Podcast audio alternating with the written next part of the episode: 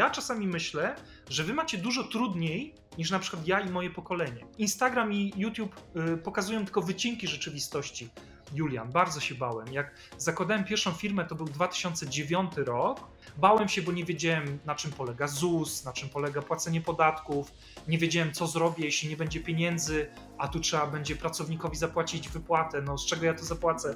Nie zawsze się chce, ale jak masz jakieś marzenie i chcesz być w czymś dobrym, to warto to przezwyciężyć. Kiedy my jednocześnie osiągamy sukces w życiu zawodowym i w życiu prywatnym, to jest prawdziwa produktywność. Marzenia się nie spełniają, marzenia się spełnia.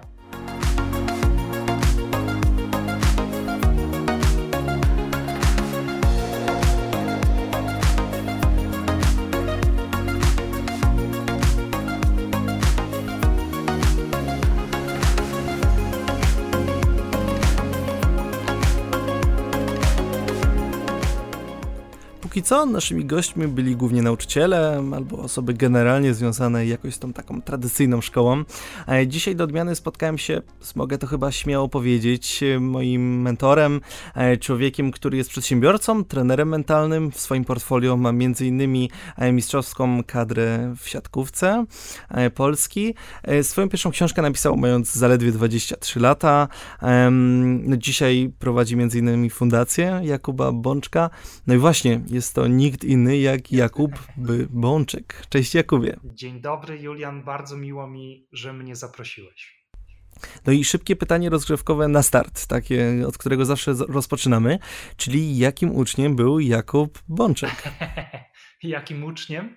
Takim średnim, średnim uczniem. Miałem takie dziedziny, w których byłem słabszy, na przykład w fizyce miałem sporo problemów, w muzyce też na przykład ale miałem takie dziedziny, gdzie miałem nawet stopnie celujące, byłem niezły z WF-u, chyba też dobry z polskiego, także takim średnim uczniem. A obserwując twoje social media, trafia się ciągle na zdjęcia z przeróżnych krajów e, z całego świata tak naprawdę.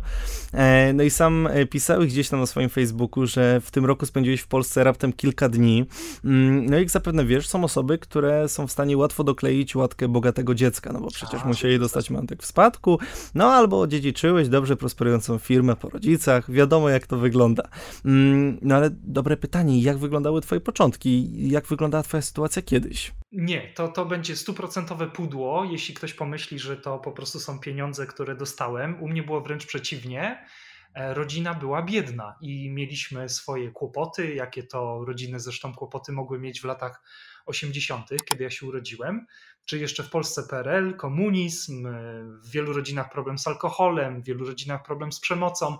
Także nie, to zupełnie nie jest tak, że ja coś dostałem od życia. E, tym bardziej nie boję się czasami publikować taką fotkę z jakiejś dalekiej plaży, bo też wiem, że po prostu sobie na to zapracowałem w swoim dorosłym życiu. No właśnie, a, a propos jeszcze tej szkoły, wracając do niej na sekundę, no bo to jednak całkiem pokazie na kilka lat w naszym życiu. Mm, jak na ciebie wpłynęła szkoła? To jest, to, to, jest też ciekawy temat, no bo mnie na przykład często podcinano skrzydła, często słyszałem, że jestem zdolny, ale leniwy i zastanawiałem się, co to w ogóle znaczy, no bo w zasadzie wybierałem po prostu naukę montażu firmów albo przedsiębiorczości e, zamiast e, prądów morskich Afryki. No i zastanawiam się, jak to było u ciebie, czy szkoła miała na ciebie jakiś wpływ, e, jeżeli chodzi o wpływ pozytywny, ale też negatywny, czy, czy szkoła ukształtowała takiego Jakuba Bączka, jaki jakim jesteś teraz, czy jednak miała jakiś tam nikły wpływ i byłeś z tych, którzy chodzą, bo muszą?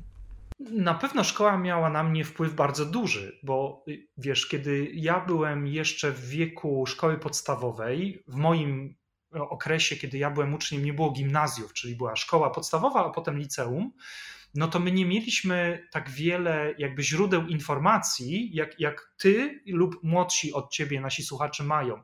Wtedy nie było jeszcze, słuchajcie, ani Facebooka, ani Instagrama, ani TikToka. Mało tego, kiedy ja chodziłem do podstawówki, Julian, w Polsce nie istniał jeszcze internet w ogóle, więc szkoła miała na, miała na nas bardzo duży wpływ. I, I o ile dzisiaj myślę, że tych takich źródeł różnych informacji, rozrywki, no i tego, co się dzieje na zewnątrz naszego mózgu, jest masa.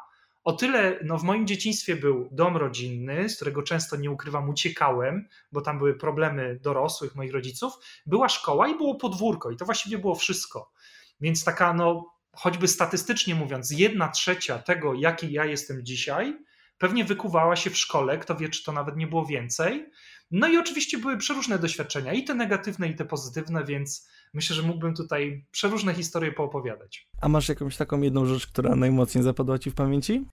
Y, dla mnie na pewno szkoła była bardzo dużym wsparciem pod kątem y, sportu. Bo tak jak mówiłem, ja nie byłem może jakimś tam uczniem bardzo dobrym, nie byłem też złym, byłem takim, myślę, średniakiem klasowym, ale najlepiej w klasie, a po jakimś tam czasie nawet już najlepiej w całej szkole, grałem w siatkówkę.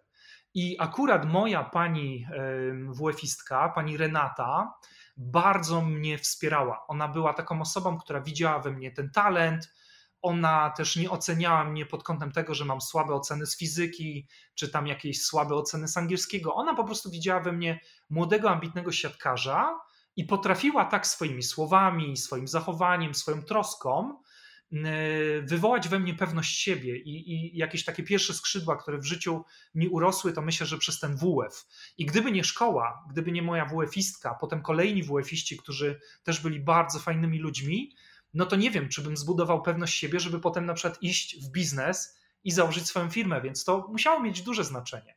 A co do samego sportu, już abstrahując od samego WF-u, ale generalnie twojej przygody ze sportem, no bo przecież w siatkówce masz niemały dorobek, no to myślisz, że ten sport ukształtował twój charakter i to, jakim jesteś teraz? Bardzo. Myślę, że bardzo. Myślę, że bardzo, bo zobacz, e, choćby to, że codziennie trzeba było po szkole, nawet jak się było zmęczonym, nawet jak padał deszcz, nawet jak trzeba było na nogach, iść na trening, to już była świetna lekcja konsekwencji.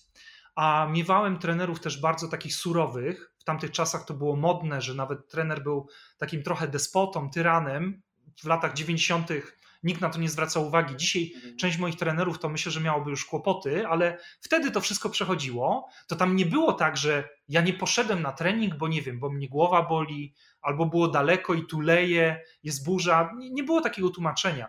E, za to, że się nie przyszło na trening, były jakieś kary była groźba, że wyrzucą mnie z klubu, a wiesz, to było całe moje życie, kiedy ja miałem 17 czy, czy 16 lat, e, nawet wcześniej, więc myślę, że nauczyłem się konsekwencji i nauczyłem się też tego, że nie zawsze się chce, ale jak masz jakieś marzenie i chcesz być w czymś dobrym, to warto to przezwyciężyć. Bo wiesz, mhm. jak, jak mamy rano motywację, dobry dzień, wypijemy dobrą kawę albo yerba mate, no to wiadomo, że nam się chce, to jest pikuś. Ale kłopot jest taki, że wiele rzeczy na które warto walczyć, o które warto walczyć, no wymagają bardzo długiego czasu. Czyli na przykład jak chcę świetnie mówić po angielsku, potrzebuję wiele miesięcy. Jak chcę dobrze prowadzić auto, wiele miesięcy. Jak chcę zbudować dużą firmę, wiele miesięcy. I kłopot jest taki, że przecież nie codziennie nam się chce. A w siatkówce, y, kiedy byłem siatkarzem, najpierw młodzikiem, potem juniorem, a potem seniorem, nie było tak, że nie chce ci się, no to połóż się na materacyku i sobie ten trening prześpisz uczyłem się, jak przezwyciężyć to, że mi się nie chce, i dzięki temu też zrealizowałem masę innych marzeń pozasiatkarskich, bo nawet kiedy mi się nie chciało Julian, wstawałem, otrzepywałem rękawki i po prostu działałem. A co do biznesu, no właśnie, jesteś też przedsiębiorcą i zastanawiam się, jak to u ciebie było z początkami biznesu? Jak to się stało, że nie wylądowałeś na 8-godzinnym etacie i, i potem jeszcze popołudniami trzaskałeś nad godziny, tylko jednak wybrałeś tą ścieżkę pójścia na swoje?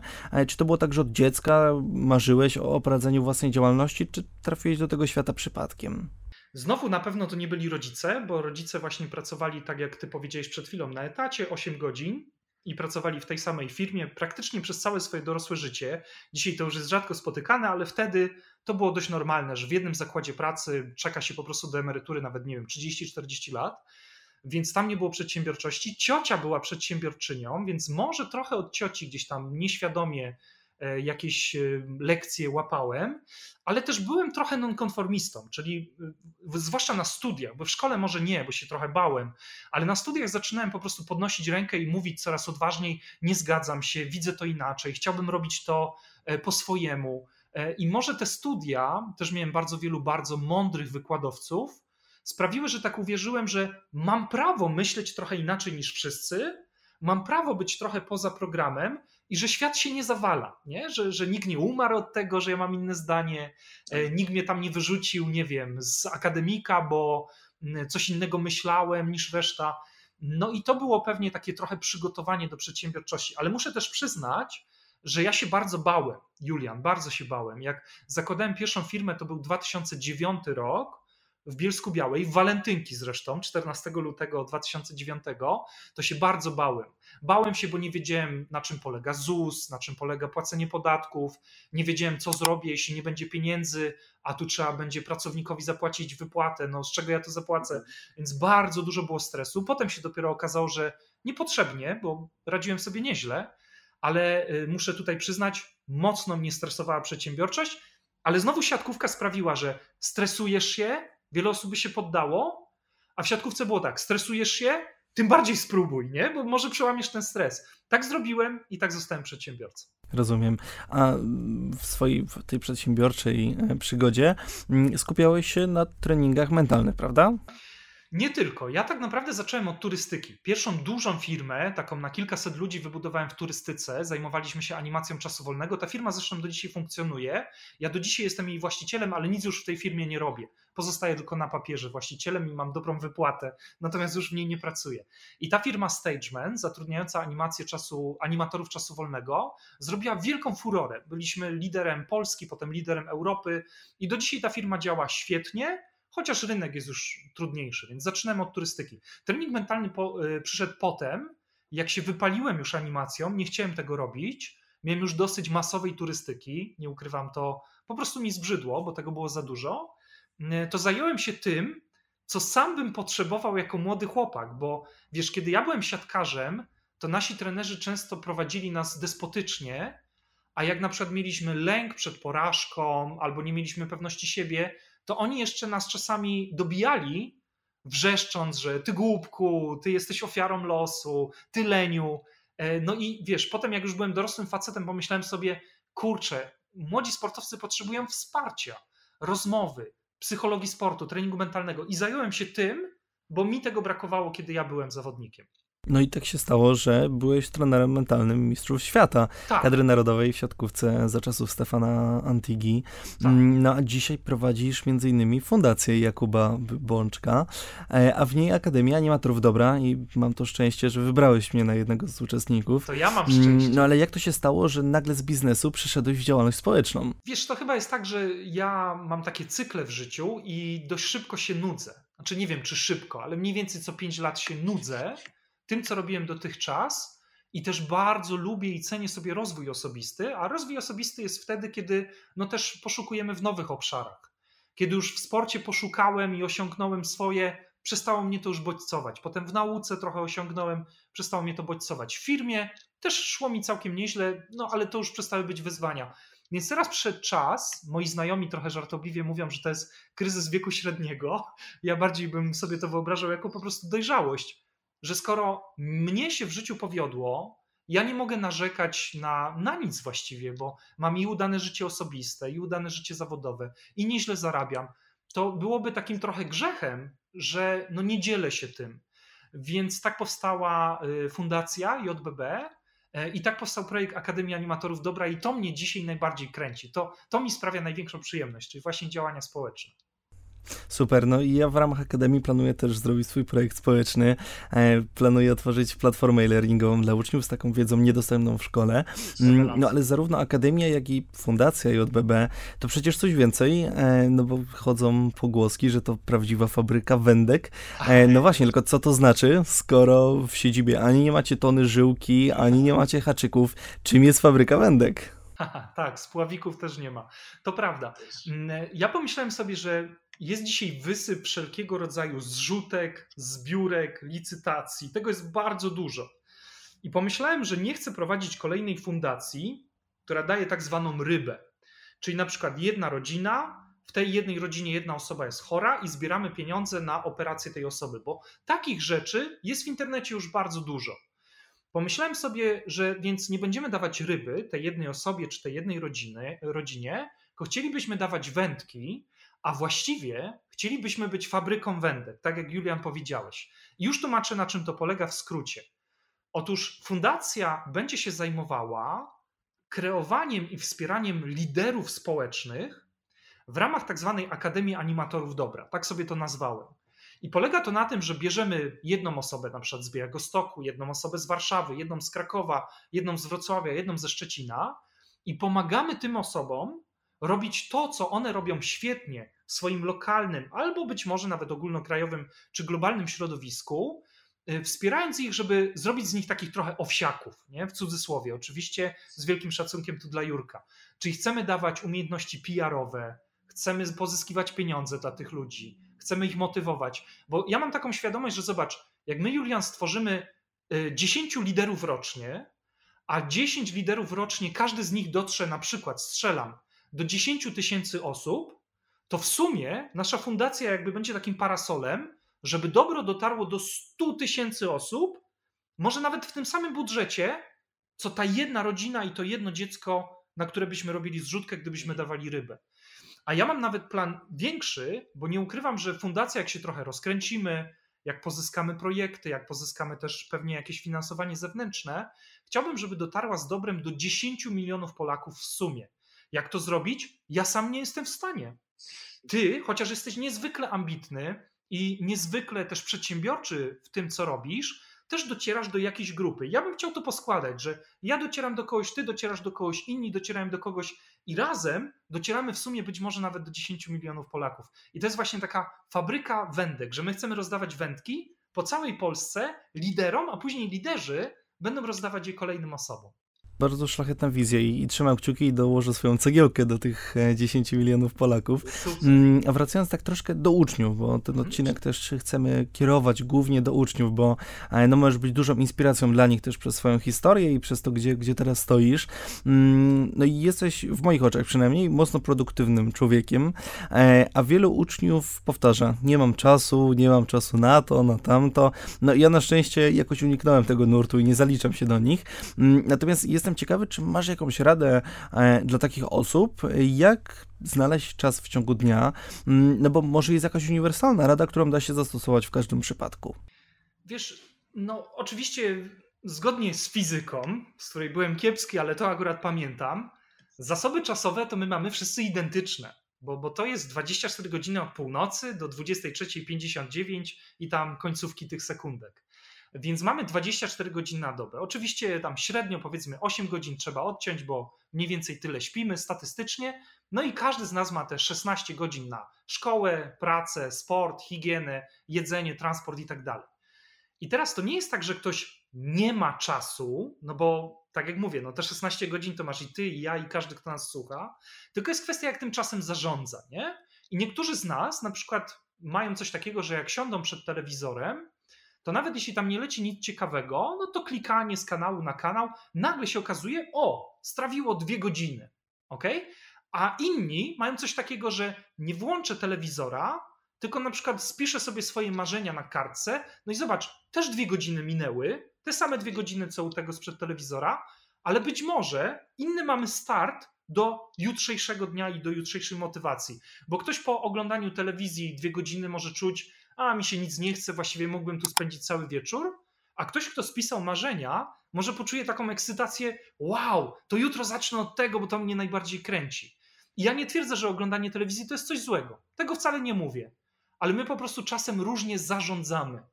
Natomiast mamy go tyle samo i myślę, że warto to przyjąć do wiadomości, że to nie jest tak, że ja nie mam czasu. Ja mam dokładnie tyle samo czasu, ile każdy człowiek na Ziemi. No tak, wszystko kwestia w tym, tak jak mówisz, w którą stronę ten czas tak. e, ułożymy. Mhm. E, no dobra, ale czas to jedno, a drugie to motywacja. Mm, I właśnie, jak znaleźć, jak szukać jako młody człowiek, często jeszcze dojrzewający, dorastający, mm, buntujący się niejednokrotnie, e, motywacji do działania, często też motywacji w ogóle do samego wstania z łóżka, no bo e, mówiłeś o klikaniu kanałów w telewizji, a nie ciężko jest równie dobrze dwie godziny zmarnować, leżąc w łóżku i scrollując TikToka i to też bardzo szybko jednak ten czas mija. Mm, no jak rozmawiam ze znajomymi, e, no to bardzo duża część z nich powtarza co rano, ale mi się nie chce. No i leżą jeszcze te 20-30 minut, aż już się okazuje, że jest za późno i muszą wstawać, żeby zdążyć do szkoły. Mm, no i jak znaleźć w sobie motywację, czy to do wczesnego wyjścia z łóżka, subiektywnie wczesnego, bez zbędnego leżenia, no a potem do pracy i spełniania marzeń przez cały dzień? Julian, ja myślę, że wy wcale nie macie łatwo y, i wcale nie jestem jednym z tych starszych, którzy marudzą i tam kurczę tą y, młodzież i, i, i dzieciaki będą gdzieś tutaj napiętnować, bo zobacz, no ja miałem o tyle łatwiej, że kiedy wstawałem, to nie było jeszcze ani telefonów komórkowych, ani internetu, więc żeby się nie zanudzić na śmierć, no to szukałem jakiejś aktywności jakby na zewnątrz. A wy macie bardzo potężnego przeciwnika i czasami bym powiedział takiego, no trochę potwora, który zżera wasz czas, bo gdzieś tam e, w Silicon Valley e, w Stanach Zjednoczonych cały sztab naukowców, ekspertów, specjalistów i w pewnym sensie trochę też manipulatorów czyha na to, żebyście się tylko zalogowali na jakiś kolorowy profil Instagrama czy TikToka i wrzuca tam za pomocą swoich algorytmów to, co konkretnie ciebie czy kogoś, kto nas teraz słucha, interesuje. I to wcale nie jest łatwe, żeby to wyłączyć. Ja, ja nie jestem wcale krytyczny do waszego pokolenia. Ja czasami myślę, że wy macie dużo trudniej niż na przykład ja i moje pokolenie. Bo teraz zobacz, jeśli oni dobierają muzykę do tego, co ci się wyświetla, tak, że ty tą muzykę lubisz, jeśli tam są tematy, które cię interesują, bo algorytm już to dawno wybadał i wrzuca ci to, co ciebie interesuje, jeśli tam są albo nie wiem, ładne dziewczyny, albo przystojni chłopcy, którzy interesują no, danego użytkownika, no to wiadomo, że to przyciąga. To w pewnym sensie te firmy typu TikTok czy Instagram kradną wasze życie. I to jest potężny przeciwnik. To jest, to, to jest moim zdaniem przeciwnik tak potężny jak alkohol czy narkotyki. Bo jak to wciągnie i człowiek ma największą przyjemność w ciągu dnia właśnie wtedy, kiedy skroluje TikToka i to mu sprawia frajdę, no to wiesz co, to w pewnym sensie to jest uzależnienie. No I wy musicie walczyć z, z dziesięcioma różnymi uzależnieniami, a za moich czasów były głównie dwa. Były papierosy i alkohol. To było dostępne, kiedy ja byłem w szkole. Więc mieliśmy dwóch wrogów, dwa potwory, które zjadają nasz dzień. Wy macie tych potworów 10, a może i więcej. I moim zdaniem wcale nie jest łatwo dać wam motywację, no bo te tęgie głowy tam w Stanach Zjednoczonych walczą i codziennie kombinują, co zrobić, żebyście jak najwięcej czasu spędzili u nich, bo wtedy można wam łatwiej sprzedawać reklamę. No tak, myślę też, tak zastanawiając się, jak układałem te pytania, próbowałem sam trochę na nie odpowiedzieć, e, żeby też zastanowić się, mm, czy trochę nie idę w taką zbyt abstrakcyjną formułę tych pytań. I przypomniałem sobie zdanie o marzeniach, które często powtarzasz, doskonale wiesz, które. Mm, i właśnie wydaje mi się, nie wiem co ty o tym myślisz, ale mi się wydaje, że uświadomienie sobie tego zdania, które zaraz dał ci wypowiedzieć, no jest w stanie zrobić cuda. Coś w tym jest i faktycznie mnie i wielu moim klientom, słuchaczom, czy nawet znajomym to, to zdanie dobrze robi. Ono brzmi: marzenia się nie spełniają, marzenia się spełnia. My, my mamy taką frazę w języku polskim od wielu lat, że marzenia się spełniają. Ja, ja twierdzę zupełnie inaczej. Uważam, że nic w Twoim życiu, młody człowieku, ale także starszy człowieku, dorosły człowieku, nie wydarzy się samo, bo to nie jest tak, że chcę się nauczyć hiszpańskiego, ciach, z sufitu mi spadła umiejętność, mam ją z wtorku na środę. To nie jest tak, że chcę mieć ładne ciało, szczupłe i być zdrowy i ze środy na czwartek, ciach, wygrałam na loterii, ktoś za mnie zrobił pompki, wygrałam. Wszystkie rzeczy, które są cenne, wymagają czasu i one się nie zrobią same, jeśli nie zrobisz ich ty. I w tym sensie ta druga fraza, marzenia się spełnia, to jest taka głęboka wiara, że jeśli kiedykolwiek złapiecie coś, do czego bije wam szybciej serce, do czego czujecie tak zwane motyle w brzuchu, za czym tęsknicie i co moglibyście robić w sobotę wieczór, nawet jeśli znajomi imprezują, wy chcecie robić to bardziej niż imprezować z nimi, to wtedy ja wierzę, że wy się zmotywujecie sami że niepotrzebny wam żaden motywator, żaden nauczyciel, żaden rodzic nad głową. Jeśli złapiecie coś, co jest tak zwaną pasją, to szybko poczujecie, że ta motywacja się rodzi od środka. I w tym sensie marzenia się spełnia, bo uważam, że to wy, jako jedyni, możecie osiągnąć piękne rezultaty, w które Wy wierzycie. Nikt inny tego za was nie zrobi. No tak, warto to sobie uświadomić, bo często o tym zapominamy i siedzimy i narzekamy, jak to jest źle i, i najgorzej. A jak człowiek się stanowi, to dochodzi do wniosku, że w zasadzie to nie pomaga temu szczęściu na co dzień i, i, nie spełnia tych marzeń, tylko myśli sobie, ale było fajnie, jakby się udało, no nie? I, i to też problem wśród młodych ludzi, szczególnie przynajmniej tutaj to, to mocno obserwuję, ale nie tylko na pewno. Mm, a skoro jesteśmy przy tym stawaniu, to tak na chwilę, jeszcze wracając do niego, masz jakąś recepturę na poranek, który dostarcza energii na cały dzień? Mam, ale nie wiem, czy ona będzie wychowa wychowawcza, bo ja jestem śpiochem, mus muszę się przyznać, chcę tutaj bardzo szczerze odpowiadać i nic nie ukrywać. Ja zazwyczaj wstaję między dziewiątą a dziesiątą, czyli dość późno. Większość moich znajomych już dawno jest na nogach, ja dopiero się budzę, e, ale też no, przez to e, łatwo mi się pracuje koło 18, 19, nawet 23, czasami piszę książki nawet koło północy, czy jestem tak zwanym nocnym markiem, wstaję późno i staram się zrobić tak, żeby mieć Julian przynajmniej 9 godzin snu. Czyli jak wiem, że muszę być o 10 już na jakimś spotkaniu, no to sobie obliczam do tyłu, że koło północy już powinienem być w łóżku, żeby te 9 godzin złapać. Druga rzecz, którą robię, to jest picie yerba mate. Wiele osób pije kawę i to jest ok. Natomiast ja wolę właśnie ostrokrzew paragwajski, czyli tak zwaną yerbę. E, ta yerba daje mi dobrą motywację. No i trzecia rzecz to zazwyczaj, chociaż chwilę myślę sobie o tym, co bym chciał dzisiaj zrealizować, co zrobić, co osiągnąć, czyli takie mikroplanowanie. To nie jest jakieś na dużą skalę, że biorę kartkę czy otwieram komputer. Niekoniecznie. Czasami to polega na tym, że jeszcze sobie leżę i myślę sobie, ok, dzisiaj jest wtorek, co mógłbym dzisiaj fajnego zrobić, albo co w firmie można by było zrobić, albo jak się przygotować na rozmowę z tobą, albo co sobie mógłbym zrobić, żeby być zdrowszy, albo bardziej uśmiechnięty. I po takim mikroplanowaniu zaczyna mi się dzień, więc to jest taka moja rutyna. Dość długi sen, yerba mate i planowanie z rana. Super, fajne połączenie. Um, teraz już zamykając e, te pytania, e, takie ogólne, troszkę bardziej otwarte, mm, przypomniał mi się jeden komentarz, który dostałem, jak zaczynałem robić podcast. E, dostałem komentarz że swoimi działaniami i promocją właśnie takiej produktywności wśród młodych osób mm, powoduje wzrost zaburzeń psychicznych u tych młodych osób, no bo przecież produktywność kłóci się ze zdrowiem psychicznym i to jest pewien kult produktywności, który my teraz mamy. I chciałem zapytać cię o twoją opinię a propos też no, twoich działań, no bo w pewien sposób też promujesz właśnie takie produktywne życie. Mm, jakie jest twoje zdanie? Czy to właśnie nie kłóci się trochę ze zdrowiem psychicznym? Nie, nie. Moim zdaniem jest takie, że produktywność jest prawdziwą produktywnością dopiero wtedy, kiedy my jednocześnie osiągamy sukces w życiu zawodowym i w życiu prywatnym. To jest prawdziwa produktywność.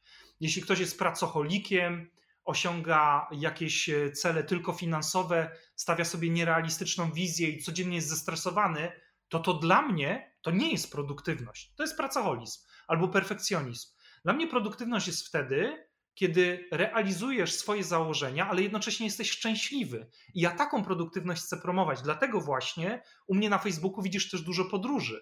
Bo oprócz tego, że prowadzę firmy, fundacje czy piszę książki, bardzo dużo też y, podróżuję. I to też jest produktywność, bo zazwyczaj najlepsze pomysły przychodzą mi nie kiedy siedzę przy komputerze, tylko gdzieś tam na przykład na Karaibach, na plaży. Tam najlepsze rzeczy wymyślam. I produktywność to jest też umiejętność odpoczywania, Produktywność to jest też umiejętność nawiązywania relacji bliskich z innymi ludźmi, żeby się nie czuć samotnym. Produktywność to jest też dbanie o swoje zdrowie, o swoje potrzeby seksualne, intelektualne, mentalne, emocjonalne. Dla mnie produktywność to jest coś takiego, co, uwaga, służy zdrowiu psychicznemu. Więc akurat z tą krytyką, czy z tym komentarzem, z którym się spotkałeś, ja bym się zupełnie nie zgodził. Prawie każda osoba szczęśliwa, którą ja w swoim życiu osobiście znam, to jest osoba, która coś też robi skutecznie. I to też jest element szczęścia tej osoby. Ja się zgadzam. Mamy, mamy taką troszkę przestarzałą chyba definicję e, tej produktywności w społeczeństwie, taką wywodzącą się z głębokiego kapitalizmu, właśnie tak. nasączonego pracoholizmem, e, trochę też e, obserwując być może właśnie pokolenie moich rodziców, widać ten pracoholizm u nich i taką niezdrową momentami właśnie produktywność. To już na sam koniec, zamykając tą naszą ciekawą i, i bardzo merytoryczną rozmowę, mm, chciałem cię zapytać, e, Kuba, z czym chciałbyś zostawić tych uczniów, którzy nas słuchają? Kilkudziesięciu, a jak się rozniesie, to może i kilkuset. Mm, jaka jest taka myśl zamykająca, z którą, z którą chciałbyś po prostu zostawić tych młodych ludzi? Myślę, że ten dzisiejszy świat nie jest dla Was łatwy i ja bym Wam bardzo gorąco życzył, żebyście się nie porównywali do innych osób. I chyba to jest takie moje życzenie, bo mam, mam świadomość, że jak się patrzy na Instagram albo na TikTok, to tam wszyscy wyglądają na idealnych. Ale zazwyczaj my ich oceniamy pod kątem jakiejś tam jednej umiejętności, cechy, albo choćby tego, że mają bardzo duże zasięgi, czy dużo lajków, czy dużo wyświetleń, i skupiamy się na tym, nie biorąc pod uwagę, że są bardzo różne sfery życia, i na pewno nie we wszystkich sferach życia tamta osoba osiągnęła takie mistrzostwa, jak na przykład w tym, że ma, nie wiem, milion followersów na Instagramie. Więc ja bym Wam życzył, żebyście się nie porównywali. A co za tym idzie, bardzo gorąco Wam kibicuję, żebyście czuli, że każdy z Was jest absolutnie wyjątkowy. I nawet jeśli ktoś tam na Instagramie ma duże zasięgi, nawet jeśli ktoś inny świetnie ćwiczy albo jest bardzo wysportowany, jeszcze ktoś inny robi świetny make-up albo super gotuje, to ty też jesteś osobą wyjątkową, być może w innych sferach, ale jesteś absolutnie wyjątkową osobą. I moim zdaniem będziecie bardziej szczęśliwi i mniej zestresowani, jeśli nie będziecie się porównywać do tych wycinków rzeczywistości, bo Instagram i YouTube y, pokazują tylko wycinki rzeczywistości, tylko będziecie się porównywać do siebie z wczoraj, jeśli tylko znajdziecie coś, co wam sprawia przyjemność, żebyście tu robili postępy od wczoraj do dziś, a z dziś na jutro. Jak się na tym skupicie i uwierzycie w swoją wartość, myślę, że w tych trudnych czasach będzie wam po prostu odrobinę łatwiej być osobami szczęśliwymi. W imieniu moich rówieśników bardzo Ci dziękujemy za tę myśl. Bardziej, że w kontekście porównywań jesteśmy bombardowani z każdej strony. Tak. Reklamy niestety dzisiaj też działają wszechobecne, trochę na porównaniu. Mm, no i szkoła też się na tym opiera mimo wszystko, chociażby ze względu na oceny. Mm, dzięki Ci, Kuba, że znalazłeś czas, że wpadłeś, że porozmawiałeś, no i że wspierasz jakoś rozwój właśnie młodych osób, no bo ta rozmowa na pewno, jeżeli ktoś chce z niej skorzystać, bo to nie chodzi o samo przesłuchanie, tylko wdrożenie tej wiedzy potem e, w życie i przemyślenie faktycznie, może przewartościowanie trochę swojego życia, mm, no to na pewno z tego wszystkiego skorzysta. Także dzięki wielkie Kuba, że wpadłeś, było mi bardzo miło miło i, i mam nadzieję, że jeszcze w przyszłości się spotkamy i pokontynuujemy tą naszą rozmowę. Koniecznie, koniecznie. Bardzo bym sobie życzył, żeby w moim życiu było jak najwięcej takich młodych, sympatycznych, ale też sprawnych, działających do przodu ludzi jak ty, Julian. Także bardzo dziękuję za Twoje zaproszenie. Ściskam wszystkich naszych widzów, słuchaczy, e, widzki, słuchaczki i życzę Wam po prostu dobrego, szczęśliwego życia. Pamiętajcie, że marzenia się nie spełniają same, marzenia się spełnia, z tym Was zostawiam. Dokładnie. Trzymajcie się, moi drodzy. Cześć.